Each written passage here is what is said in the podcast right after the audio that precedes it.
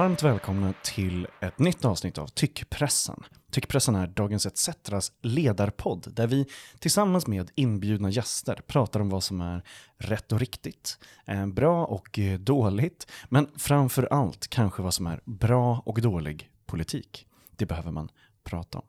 Jag heter Max V. Karlsson. Jag är Sveriges mest pollenallergiska eh, poddprogramledare, tror jag. Med mig den här veckan eh, har jag två stycken first timers i tyckpressen som jag är väldigt, väldigt glad över att ha här. Den första är Susanna Kierkegaard, ledarskribent på Aftonbladet. Varmt välkommen. Tack så mycket. Äntligen. Äntligen. Och eh, Henrik Jalalian som är verksamhetsledare på Kogito Akademin och grön ledarskribent på Syre. Det stämmer. Varmt välkommen du också. Tack. Superkul att ha dig här i studion. Bra, vi ska idag prata om någonting som eh, eh, återkommer, eh, men som är viktigare såklart eh, under valår. Vi ska prata om partiledardebatt och mer specifikt den som var i Agenda i söndags. Jag har förberett tre punkter eh, kopplat till det här som vi ska prata lite om. Tycker ni att debatterna är för långa? Vad Henrik, vad säger du? Tycker du att debatterna är för långa? Nej, men jag tycker nog inte det. Jag tycker att det var bra att, att det var långt den här gången och att det var mm. lite färre ämnen och sådär. Susanna, vad tycker du? Alltså, jag tänker att man kan stänga av tvn när man vill. Eh, jag tycker väl det är bra, det är bra att eh, de får ta lite tid på sig att prata. Alltså, man skulle ju inte vilja ha färre ämnen eller den här mardrömmen som var förra partiledardebatten var, var när de bara fick prata en minut var. Exakt, TV4. Om det är alternativet ja. så säger jag att det kan vara så här långt. Jag ville ställa den här frågan just för att det finns ju väldigt många som tycker att det blir för mycket politik. Med det så menar man kanske inte egentligen då politik, men man tänker liksom spektaklet. I SVTs pressrummet, som är ett väldigt intressant e-postmeddelande att prenumerera på, så skickade eh, SVT ut det här i 16 mars. Då säger man, så här ska SVT göra under valåret. Granskningar, utfrågningar, samhällsserier och satir. Då har man liksom en lista de här, några av sändningarna som man ska göra utöver ordinarie nyhetsbud. SVT kommer för det första ha Eh, 50 lokala redaktioner eh, och sen kommer man då ha Agenda special, Agenda 30 minuter, Herr talman, Vem mördade skolan, Kvinnorna i gängvåldets skugga, Sverige möts, Verkliga möten som inte är samma, Uppdrag granskning, Valet forever, Politikbyrån, Partiledarutfrågningarna, Valkompassen, Sanningens minut, Sveriges roligaste partiledare, Valet på lätt svenska, Duellen, Slutdebatten, Valdagen, Valvakan och valprogram på minoritetsspråk. Sveriges roligaste partiledare undrar man ju verkligen hur det ska vara en följetong. Ja, är det en stand-up? Så, man tänker att... så här beskriver SVT det. Vilken partiledare har gjort mest för den politiska humorn i Sverige? Vem är roligast att skämta om? Och vem är roligast att skämta med? Kristoffer Appelqvist tar hjälp av fyra av landets mest namnkunniga komiker. Premiär i september. Ett undersökande program kan man säga, snarare än en tävling. Ja, det hade varit jätteroligt om det var... Partiledarna behöver inte köra stand-up. Ja, men det här är nu, den leder mig in på den första frågan. Den första frågan som jag vill ställa till er, det är vad ger Agenda dig personligen, om något? Och vad tror du att det ger väljarna? Henrik, vill du börja? Vad, vad ger Agenda dig personligen? Du tittade i söndags, du satt bänkad. Ja, men jag har ju själv också jobbat eh, med de här partiledardebatterna från eh, den politiska sidan. Mm. Och eh, alltså, tyvärr blir man ju lite cynisk. Det är ju lite mer en show. Så ser jag på det. Så att jag sitter ju ganska mycket och, och funderar på ah, hur har de gjort, hur har de tänkt, vad har de för strategi. Um, sådär. Men för väljarna, ja det är lite mer tveksamt kanske. Det, jag tror att man ska se det lite som underhållning ändå, om man, om man ska vara krass. Mm. Eh, men det är klart att en del skiljelinjer blir ju, blir ju tydliga såklart. Eh, så. Just det, men så politisk teater lite? Ja, men det, så är det ju. Mm. Eh, och det är väl, politik är ju lite det, vad man mm. än gör. Så att, eh, och förbereder, jag gissar att man förbereder liksom ett batteri av liksom, eh, grejer man vill säga och sådär. Hur går det till? Alltså har man så här, tre grejer man vill säga eller liksom, eh, eh, säger man åt partiledarna, men frifräs inte för du är inte så bra på det. Eller liksom, det, det beror lite på vem man, vem man jobbar för. Folk har ju olika, olika stil. Um, det är väl lika bra att säga för transparensens skull att jag har jobbat för, för Märta Stenevi. Då. Um, men um, hon, hon gillar ju ganska mycket att prata själv. Mm. Och det, det, tycker jag man märker i en sån här debatt. Att när hon när man har lite mer tid så är hon starkare. För att hon, hon gillar att prata som ett köks, vid, vid ett köksbord och liksom få lägga ut texten. Sådär. Men jag, jag tror att det, när det gäller de korta formatet, då är det nog ganska smart att förbereda de här grejerna vill jag ha sagt och nästan oavsett vad andra säger eller vad partiledarna frågar. Utan, så där jobbar nog ganska många. För att många tittar ju på debatten, men, men ännu fler läser ju flasharna. Och då vill du ju gärna ha det slagkraftiga citatet som blev en flash, som blev en rubrik. Så det är ju en, en annan grej, som en annan aspekt av partiledardebatten. Just det, just det. Ja, men det var ju väldigt intressant att fler ser flasharna än, än debatten. Det är ju, jag, jag har inte tänkt på det. Susanna, vad säger du? Vad, vad ger Agenda dig personligen? Och vad tror du att det ger väljarna? Alltså Agenda i allmänhet ger mig mest ångest för att jag aldrig kommer ihåg att titta på det. det. Men det känns samtidigt som att man borde göra det när man jobbar som ledarskribent. Men jag tittar inte så mycket på tv, jag läser mer tidningen. Så att jag läser de här flasharna istället. Just eh, men just partiledardebatterna tittar jag ju på. Jag tycker att de är bra för att man eh, får en bättre bild av partiledarna som personer. Eh, man ser vilka som har koll på sina frågor, vilka som har koll på vilka frågor och även, så här, även om det är talepunkter och lite bestämt liksom vad de vill säga så säger det ändå någonting om vilka frågor man prioriterar. Liksom. Jag tycker det är, också, det är roligt för man får lite mer en eh, levande bild av hur partiledarna är än vad man får om man bara läser intervjuer. Verkligen, och typ jämfört med deras sociala medier. Eh, där är det liksom en ja, jättestor skillnad. En sån grej som man ser, det är ju hur de hanterar någonting som spontant dyker upp. Alltså hur de mm. reagerar på någonting liksom. Och även om det såklart är lite teater, jag menar när, när man liksom blir jätteupprörd över någonting som man visste skulle komma eller något sånt där, så säger det ju absolut någonting. Välj ett klimatsnällt sätt att resa i sommar. Med ETC Tåg, ja då slipper du det där krånglet med att boka biljetter hos en massa olika tågoperatörer. Du bokar hela resan, enkelt från en och samma sajt. Därefter får du alla biljetter i ett och samma mejl. Snabbt, enkelt och bra för klimatet. Besök etctag.se jag, jag döpte det här eh, eh, avsnittet till Agenda låter som en exotisk frukt. När jag bara tänker på ordet agenda, då är det så här, ja men det är dagordning och, och det är liksom eh, eh, sånt. När man hör agenda då blir man liksom ja, men, slungad till det där att man borde se på det i skuldkänslor mm. eller att man känner typ så här, åh nej, åh gud, hela min vecka kommer alltid handla om vad de pratar om. Eh, kvart över nio på söndagkvällar fram till klockan tio, jag vill egentligen bara sova. Mm. Liksom, eh, och då försökte jag liksom tänka så här, men vad, vad, vad är agenda annars? Ja men det låter faktiskt som att det skulle kunna vara en exotisk frukt. Eh, någonting som liksom man köper, så här, jag har köpt två agendor här inför, inför min eh, eh, middag. Och då, det blev lite, jag vet inte, jag, jag, jag, jag, vet inte om det var liksom någon så här fight or flight reaktion i mig som liksom gjorde att Eh, jag, jag, ville tänka på det så inför söndagen. Och jag tog mig an det då på ett lite annat sätt. Jag, jag var inte lika, lika liksom för deppig. Jag tänkte att jag ska pröva den här exotiska frukten um, och titta på det lite med, med färska liksom, uh, fruktögon. Och det gick uh, förvånansvärt bra. Uh, jag tycker att det gick, jag, jag, jag, var inte lika deppig som jag brukar när jag tittar på det där. Men jag gillar, alltså, så här, generellt sett så är det så här, programledarna är, är fullblodsproffs. Um, det var fyra ämnen. Det var integration, pension, NATO samt energi och klimatet. Och det är agendaredaktionens egna bedömning då att det inte ryms fler än fyra ämnen under två timmars debatt om varje partiledare citat, ska få möjlighet att berätta om sitt eget partis politik och replikera på de andra partiernas förslag. Um, så det är så det, det, ser ut när de väljer här. Ja, det låter väl rimligt, men tycker ni då att eh, pratade partierna tillräckligt mycket om sin egen politik?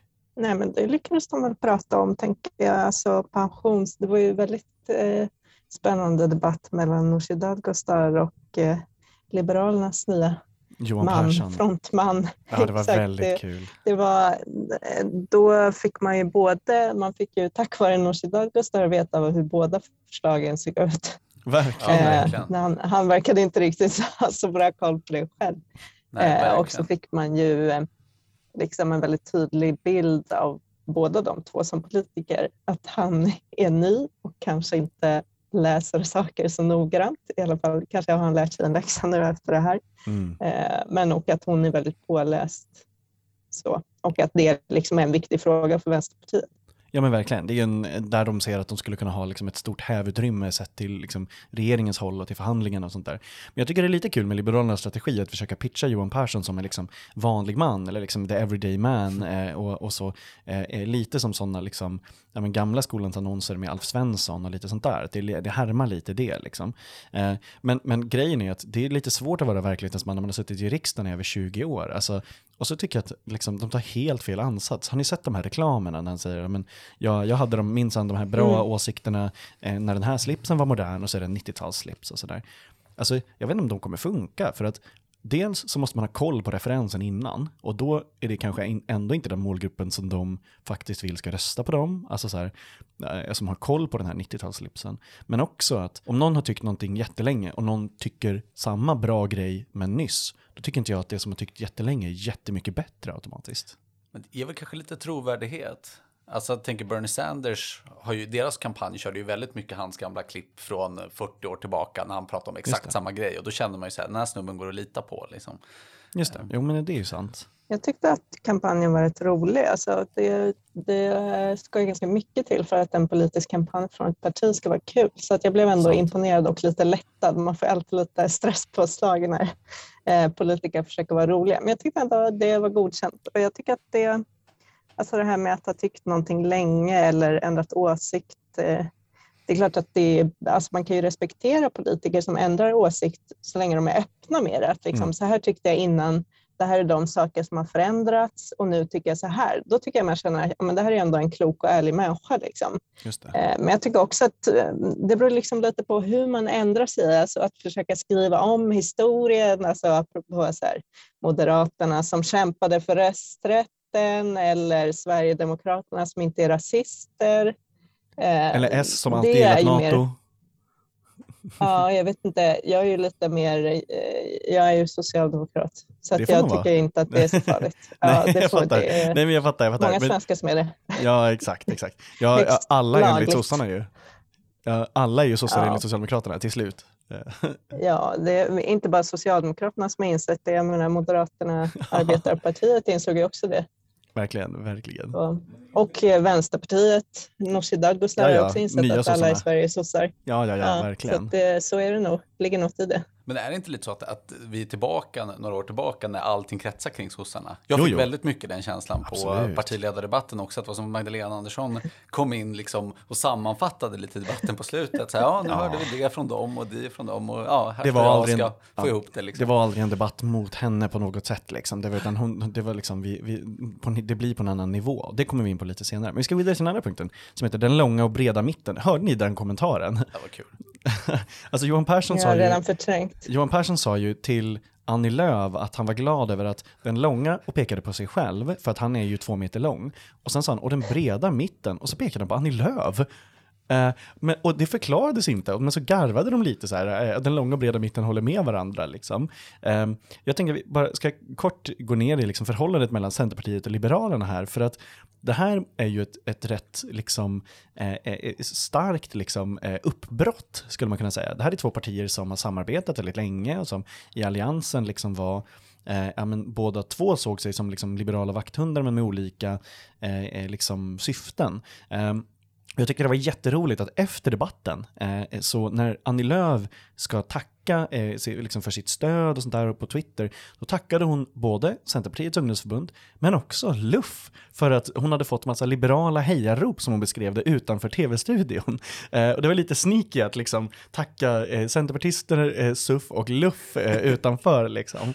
Eh, Eh, ja, väldigt, eh, väldigt eh, kul. Men hur ser ni på det här liksom, med långa och breda mitten och förhållandet mellan Centerpartiet och Liberalerna? Alltså, är det så att de bara tävlar om liksom, sina väljare nu? Och liksom, vad, hur tror ni att Centerpartister och liberaler ser på varandra nu? Saknar de varandra? Liksom? Vad tror du Susanna? Jag vet inte, jag tänker mest på här, risken på liberal eh, risken för liberal kannibalism, alltså att de ah. försöker stjäla varandras väljare. Men det låter ju inte riktigt som att de vill det i alla fall när de eh, prata på det sättet som de gör nu. Men jag tror att eh, Liberalernas stora utmaning, alltså de har ju inte riktigt samma väljargrupper längre. De kanske inte hade det tidigare heller, men den stora skillnaden nu är ju väl framförallt bland unga väljare, att unga personer röstar på Centerpartiet och ser det som det liberala alternativet på grund av Liberalernas relation till Sverigedemokraterna. Alltså det tror jag blir svårt för Johan Persson att släppa den grejen, eller det har han ju inte gjort. Han har ju, var ju i en intervju härom, häromdagen och pratade om att Sverigedemokraterna självklart skulle få eh, inflytande över en eh, högerregering. Eh, så det tror jag, det blir, den, den konflikten finns ju kvar oavsett om någon står och gullar i tv eller inte. Eh, vad säger du Henrik? Vad tror du om förhållandet mellan C och L? Vad tänker du? Nej, men det finns väl inget förhållande längre. De, de har gjort slut. Liksom. Mm. Så, det, så, så, är det nog. Jag, jag har svårt att se att Liberalerna kan backa från den här eh, märkliga positionen de har intagit med samarbete med Sverigedemokraterna. För att även om de skulle backa från det någon gång eller sluta med det, deras förtroende är ju helt liksom, förstört bland de väljare som, som tycker att det är, det är en liberal Um, vad heter det? Ja, men typ vakt, ja. Vakthund är ju den formen som de vill ha, eller funktionen som de ser sig själva i förut. Liksom. Ja, ja, men jag vet inte vem ska rösta på en vakthund. Liksom. Mm. Så att vi ska samarbeta med fascister, men vi ska vi, vi, ska försöka göra det på ett trevligt sätt. Alltså mm. Det är svårt att se att det drar några. Deras hopp är väl liksom moderater som känner sig lite, ja ja men en stödröst eller kanske bra om de håller borta de värsta grejerna från, från SD. Men... Um... Har du pengar på banken? ETC Sol investerar dina pengar i solceller, det vill säga framtiden. 2500 personer har sparat pengar och får nu 2% ränta. Vill du vara med? Läs mer om hur du sparar på etcsol.se. Man glömmer att Centerpartiet har en investmentbank, ett eget bolag med heltidsanställda som bara jobbar med att förvalta, förvalta Centerpartiets kapital. Det, inget annat parti kommer i närheten. Liksom. Eh, och jag tror att det spelar roll. Alltså jag tror att det spelar roll i liksom, eh, lite av grinigheten som jag sett från liberaler sett till liksom, centerpartister. Alltså att de, de är liksom eh, lite politiskt och materiellt avis. men det är klart det spelar roll. Alltså, om, man, om man tittar på, det går ju ganska väl vilka som har mest pengar i hur, stor, hur mycket röster man har. Mm. Sossarna har väl mest pengar, eh, så de ligger bäst till. Och, och sen liksom i en fallande skala, det är väl snarare så att Centerpartiet underpresterar jämfört med hur, hur lite pengar ja, ja, ja, de har. Men det är klart det spelar jätteroll att liksom Liberalerna och Miljöpartiet har minst pengar och sämst siffror. Sen är ju inte det hela. Men, nej, nej, nej. men om man inte har pengarna, då måste man ha entusiasm. Då måste man ha aktivism. Du, du kan absolut klara dig som ett litet parti om, om, om du som Fi, människor är beredda mm. att liksom lägga sin fritid och, och kämpa för det här partiet trots att de inte får några pengar. Mm. Eh, men, men så fort det börjar gå lite dåligt eller blåser snålt, då, då riskerar man att falla ihop som ja. en sufflé när du inte är cool längre. Då, mm. Då är det kört. Så att, Ja, det är ju ganska smart det där kanske med, med lotterier och sånt trots allt. Exakt, ja, Moderaterna, har ju startat, Moderaterna har ju startat ett lotteri så att de tycker också att det är en bra idé. Verkligen. har sett M-lotten. Ja, jag menar inte att Liberalerna är någon form av liksom, eh, underklass-underdogs i, i, i det här, liksom, eh, att de är så här, den, eh, liksom, arbetarkämpen. Eh, så, ja men exakt, transproletariatet bland liberaler. liksom. Ja men exakt, men, men däremot så är det ju så att Liberalerna har ju liksom, deras aktivister är luff. Det är de som sätter upp allting, det är de som, eh, alltså så här, affischer, det är de som gör alla kul grejer på sociala medier och alltid varit bra på sociala medier. Det är de som kokar kaffet och sånt där. Och där lovade ju de att inte jobba för L i valrörelsen om det är så att man samarbetar med SD. Nu har man ju justerat sig lite i det där. Man, man säger ju liksom att ja, men nu samarbetar man ju inte och vi har några röda, liksom, eller de säger att vi har kongressbeslut på eh, röda linjer och sådär. Eh, eh, så att man, man kommer göra lite grejer. Men det har ändå varit liksom profilerade avhopp och, och sånt där. Och man har inte alls samma entusiasm. Nu måste man luff lägga liksom en stor del av sin tid på att försvara partiets beslut istället för att typ faktiskt gå framåt. Eh, de är inte glada, de, är inte, de har inte så kul, medan sossarna har jättekul. Sossarna har jättekul, alltid. De älskar Bli sossar. Exakt, då, då skrattar man, det är det de är kända för. Men, och då, eh, det leder oss in på den sista punkten som jag har döpt till att vinna och försvinna. Alltså, Socialdemokraterna har ju en strategi som just nu verkar funka och jag tror att den hade funkat även om det inte var krig, även om det inte var efter pandemin, även om det inte var inflation. Som liksom, det är ju sådana där man, man, brukar stötta de som sitter. Men jag tror att liksom, oberoende av dem, även om vi lägger dem åt sidan, så tror jag att man eh, vinner på den här strategin där man är rätt lågmäld, man låter klägget käbbla, eh, eh, och eh, eh man ställer sig liksom utanför det på ett helt annat sätt, som Magdalena gjorde under partiledardebatten, eh, men som de gör hela tiden. Och sen då att det, Socialdemokraterna är ju faktiskt då Europas mest framgångsrika politiska parti sett till styre eh, och liksom över tid. Och det är ju för att man är eh, omatchat bra på att anpassa sig. Man pacificerar hela oppositionen genom att bara säga ja, så här tycker vi också. Och då bara faller det helt platt. Eh, vad, eh, eh du pratade Henrik om, det, om att du, du märkte det i partiledardebatten. Liksom. Vad, eh, eh vad säger du om den här liksom, eh, lågmälda strategin som, som verkar funka? Vad, hur, hur märkte du det under debatten? Nej, men eh, lite som jag sa, att eh, Magdalena är lite, lite som Reinfeldt gjorde också eh, när han var statsminister. Att man liksom lyssnar in, kommer in lite senare när de andra fått prata av sig och så sammanfattar man lite och kommer med någon klokhet sådär lite diplomatiskt. Det tror jag är väldigt smart. Alltså, det är ju väldigt stor skillnad på små och stora partier i, i vad som är klok politisk kommunikation. Och... Ehm, Små ja, partier har ju ett behov av att hävda sig och synas och kanske göra lite tokiga utspel, lite som KD, så att man åtminstone kommer in på arenan. Men, men stora partier, det är ju det är mer som att sälja en Volvo.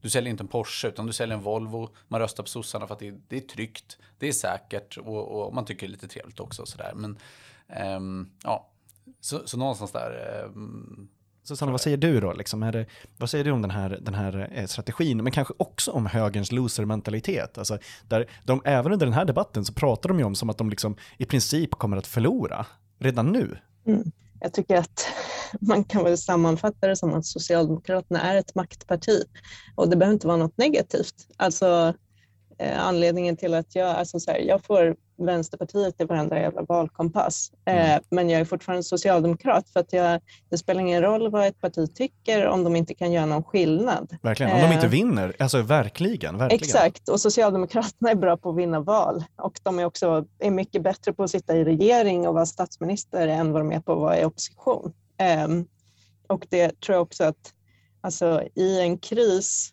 eller flera kriser på raken, då är verkligen socialdemokrater exakt det som behövs i en regering. Alltså för att man mm. vet, det är så otroligt förutsägbart och det liksom, man vet att eh, besluten är liksom väl underbyggda. Det, inte någon, det finns inte den här stressen liksom, som det finns i andra partier, apropå här, lite offermentalitet och behov av att hävda sig. Man vill liksom ha någon med en tung röv eh, som sitter och styr.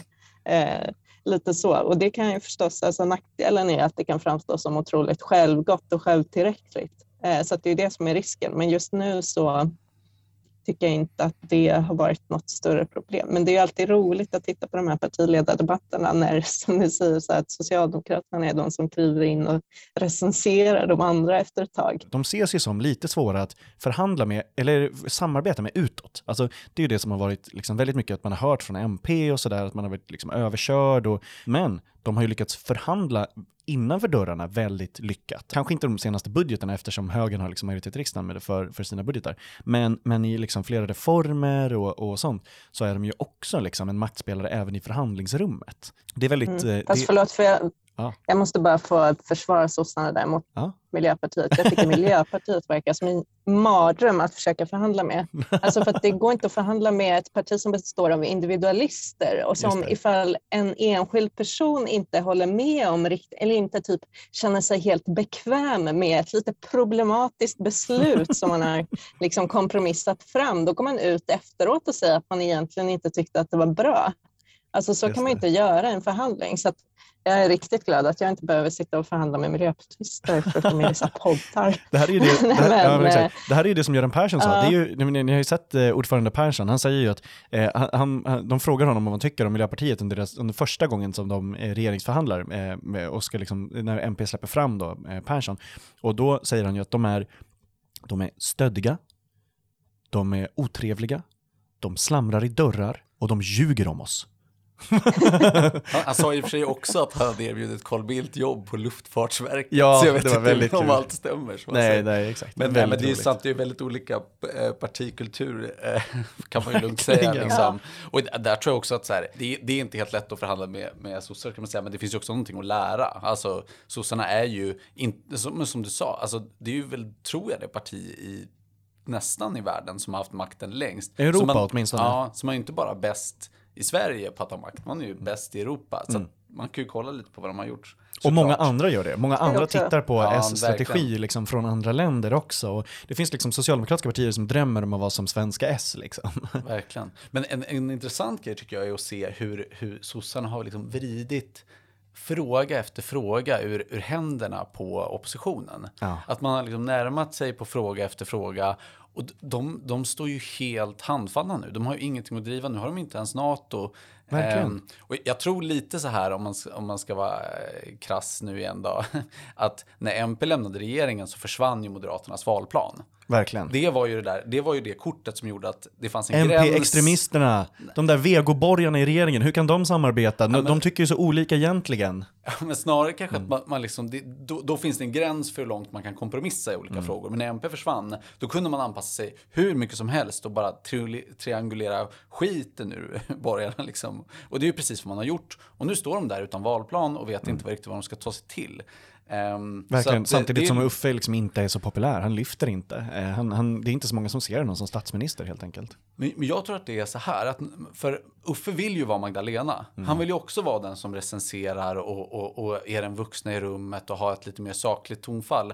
Men det går ju bara om du har ett parti som, som beter sig likadant. Mm. Men det har ju inte han. Han står ju där och kommenterar och pratar om vuxna i rummet och jag håller med Magdalena. Men så har han Hanif Bali mm. och gänget som skriker i högan skyn. Och hela Moderaternas kommunikation, alltså det låter ju mm. som ett missnöjesparti. Liksom. Ja, ja, ja. Så att jag, jag tror inte att det där funkar. Alltså han framstår ju bara som, som liksom falsk och inte trovärdig. För att för att han säger en sak och partiet gör något helt annat. Det funkar inte. Verkligen. Jag ska säga också, eh, det är rätt kul med den här lussementaliteten. Alltså jag, det, man kan fylla rätt mycket, liksom med, eh, eller rätt många eh, djupa koppar med liksom högertårar just nu i det här. För att det, här, om man läser Smedjan till exempel så skriver Alice Teodorescu Måwe eh, igår om borgerligheten ska ha någon chans i vad som ser ut att bli ett rysarval behöver kommande månadernas arbete mynna ut i ett gemensamt valmanifest med reformer som ska genomföras under kommande mandatperioden. Samarbetsformerna behöver behöver utkristalliseras och ett gemensamt namn lanseras.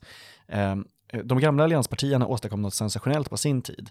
Ehm, och något liknande kan definitivt göras igen, men det börjar bli bråttom.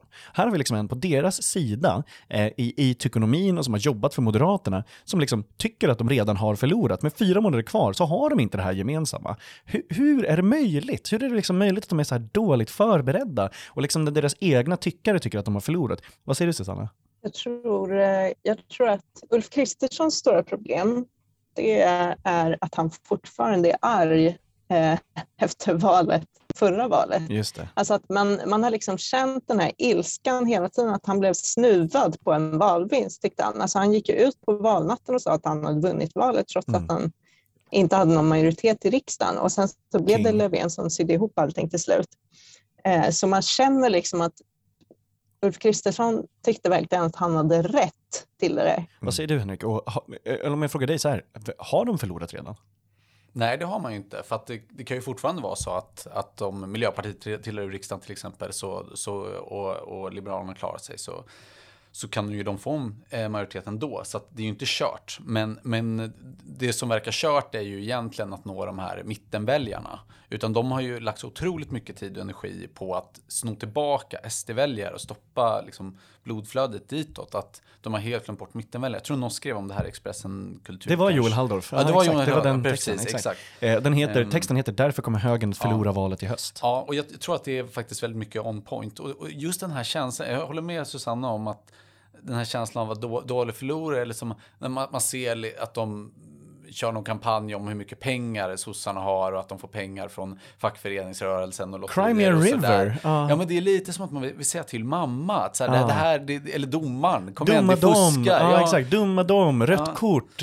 Så att, nej, men jag, tror också, jag känner också att det, det är inte en vinnande mentalitet och um, Nej, det, det, går inte bra för dem. Och det, det som är, det är intressant är ju att de totalt dominerar agendan. De mm. grejerna vi pratar om är ju gängkriminalitet. När vi pratar om klimat, då snackar vi mest kärnkraft eller hur mycket det kostar med klimatet.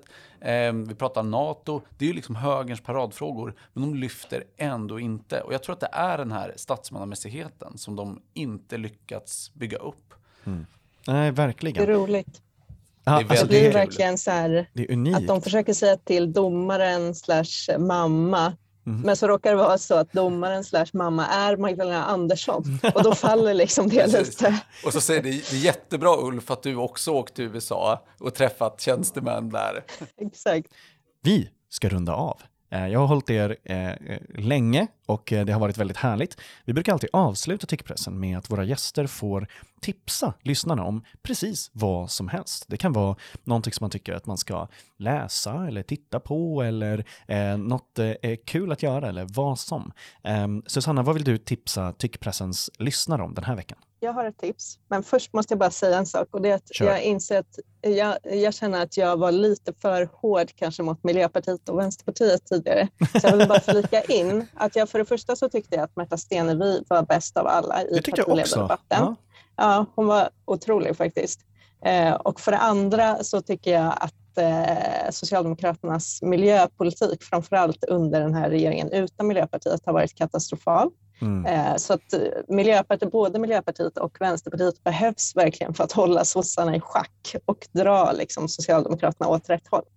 Med det sagt, eh, så mitt tips är att eh, prenumerera på The Onions nyhetsbrev. För att ja. det är en otrolig, otrolig lättnad i så här fruktansvärda tider när man får riktiga mardrömsflashar på mobilen flera gånger om dagen så är liksom The Onion, för de som inte vet så det är typ världens kändaste satirtidning. Ja, och eh, bästa. Utan, alltså det, det är helt, ja. helt omatchad satir. Det är otroligt roligt och de har ett nyhetsbrev som man kan få varje dag eh, som lättar upp lite. Så det är mitt tips. Gud vad bra. Vi ska länka till det i beskrivningen. Henrik, vad vill du tipsa Tyckpressens lyssnare om?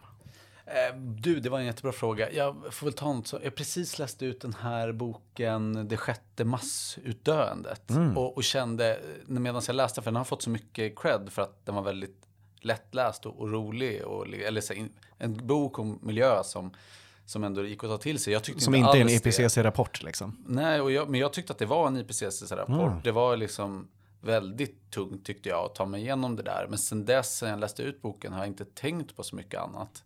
Den har liksom verkligen stannat kvar. Så det skulle jag verkligen rekommendera. Det blir en bra kontrast också mot Susannas The Onion. Jag tror att man kanske behöver liksom, i så fall läsa lite, lite roliga satirnyheter också om man ska ta sig igenom den här deppiga, deppiga boken. Mm. Men eh, den var väldigt bra. Den, den förändrade mycket om eh, hur man kan se på saker. Gud vad bra. Eh, och jag har inget tips, men jag vill skicka med en hälsning till Lars Adaktusson som faktiskt är tyvärr är sjukskriven från sitt arbete i riksdagen nu. Eh, jag säger eh, get well soon. Han ersatt i riksdagen är en av, en av KDs absolut största abortkritiker. Eh, apropå det här med att KD mobbar ut sin opposition och sånt där. Men så get well king, så ses vi i riksdagen snart igen Lars Adaktusson. Kämpa Lars. Verkligen, kämpa Lars. Ehm, och med det sagt så säger jag tack snälla för att ni båda var med och eh, vi i Tyckpressen är tillbaka redan nästa vecka. Hej då! Hej då! Hej!